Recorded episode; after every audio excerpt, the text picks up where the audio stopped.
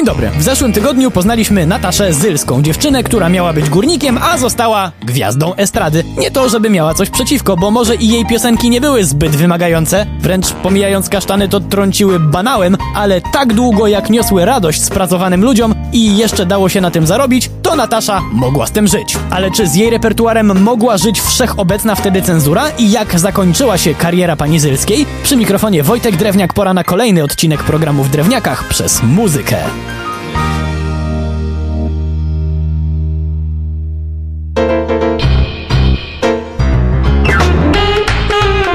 W poprzednim spotkaniu poznaliśmy jeden z największych przebojów Nataszy Zylskiej kasztany. Jednak nasza dzisiejsza bohaterka miała ich zdecydowanie więcej, niektóre miały dość mocny polityczny wydźwięk. Chociaż Natasza nie zawsze miała na to ochotę. Największym echem odbił się Wiśniowy Sad. W sumie to bardzo ładna piosenka, której ciężko dopisać jakiś buntowniczy podtekst, ale wszystko zmieniło się w roku 1956, kiedy to oficjalnie zaczęto mówić, że wujek Stalin to jednak wcale nie był taki super. I od tej pory na koncertach, kiedy Natasza swoim aksamitnym głosem śpiewała Ośmielił nas wiśniowy stary sad, to publiczność też śpiewała, ale odmienił nas 20 partii zjazd. A później ta przyśpiewka przeniosła się na ulicę. Niby fajnie, ale polskie radio wtedy przecież na usługach partii już jakoś mniej chętnie ten kawałek puszczało. A to jeszcze nic, bo kolejnym utworem, tym razem już celowo wymierzonym w rządzących komunistów, była też pozornie prosta kukurydza. Żeby jednak zrozumieć komizm tekstu napisanego dla Zylskiej przez Kazimierza Szamitocha, trzeba zrozumieć, co w tym okresie działo się w głowie pierwszego sekretarza Nikity Chruszczowa.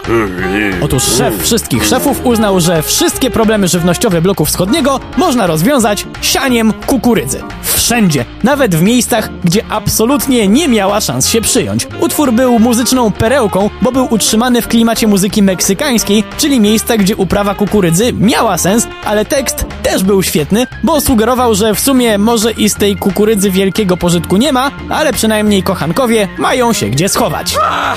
No policzek wymierzony w twarz najwyższym władzom i to tak dyskretnie, że na początku mało kto się szczaił. Te utwory razem z kasztanami i nie tylko, bo Natasza Zylska wydała ponad 30 płyt, przyciągały na koncerty niesamowite tłumy spragnionych dobrej, lekkiej zabawy ludzi. Nie tylko w Polsce, bo i w Czechosłowacji, i w ZSRR, a nawet w Chinach. Jednak nie chodziło wyłącznie o muzykę. Natasza była prawdziwym scenicznym monstrum. Oczywiście w pozytywnym tego słowa znaczeniu. Ogromną rolę przykładała do tego, czego wiele jej koleżanek po fachu starało się wręcz unikać do ruchu scenicznego. To jednak nie było takie proste. Zylska tak wspominała swoje koncerty. W tamtych czasach mikrofony były słabe, wzmacniacze słabe, nagłośnienie słabe, więc piosenkarze trzymali się mikrofonów, a te były przymocowane do statywów i zmuszały, żeby do nich się przykleić. Jednak nasza wokalistka znalazła na to sposób. Nie, nie wymyśliła systemu bezprzewodowego, ale coś równie skutecznego. Umawiała się z muzykami, żeby ci grali dłuższe partie solowe, a wtedy ona tańczyła, uwodząc publiczność. Zresztą bardzo skutecznie. Co w takim razie się stało, że świetnie zarabiająca i ekstremalnie popularna Natasza Zylska w 1960 roku odeszła ze swojego zespołu i czując silną potrzebę powrotu do rodzinnych korzeni wyjechała do Izraela?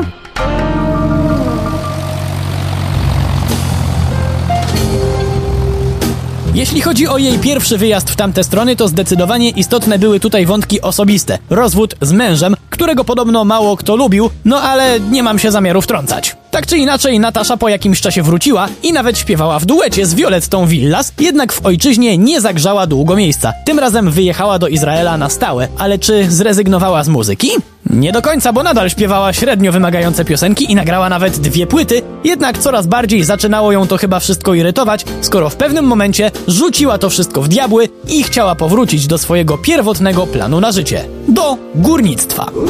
Jednak do izraelskiej kopalni miedzi nigdy nie zjechała, choć było blisko. Na szczęście spotkała faceta, przy którym nie musiała podejmować się tak mało kobiecej pracy. Adwokata z Polski, Ashera Weisenberga, z którym wzięła ślub i żyła szczęśliwie i na tyle dostatnio, że zamiast ryć w poszukiwaniu miedzi, mogła ryć w innym tworzywie. Kompletnie pochłonęło ją rzeźbiarstwo, a o muzyce jakby zapomniała. Jednak nadal nie wiemy, czemu zrezygnowała z estrady. Jasnej odpowiedzi na to nie ma, ale spójrzmy na fragment wywiadu dla izraelskiej gazety. Tylko nie piszcie, na Boga, że to była walka ideowa. Miałam powody osobiste i prawdą jest, że zrezygnowałam z wielkiej popularności i dużych pieniędzy. Czyżby więc dla Nataszy czara mizernych w większości piosenek dla niewymagających słuchaczy się przelała? Czy wolała rzucić wszystko i wyjechać pracować w kopalni, niż śpiewać kolejny raz piosenkę o Piotrusiu, którą poznaliśmy tydzień temu? Chyba można tak sądzić, skoro w innym wywiadzie, zapytana czy nie tęskni za swoimi przebojami, stwierdziła, że no, może do jednego. Kasztanów. Jedynej piosenki, która do dziś ma dla mnie wartość artystyczną. A zatem nie tylko za kasztany, masę radości dawanej ludziom na koncertach i śmianie się w twarz cenzurze, ale i za prawdziwie artystyczną duszę, która w końcu zwyciężyła, powinniśmy być wdzięczni pani Nataszy Zylskiej, która odeszła od nas w 1995 roku. Przy mikrofonie był Wojtek Drewniak. Do usłyszenia.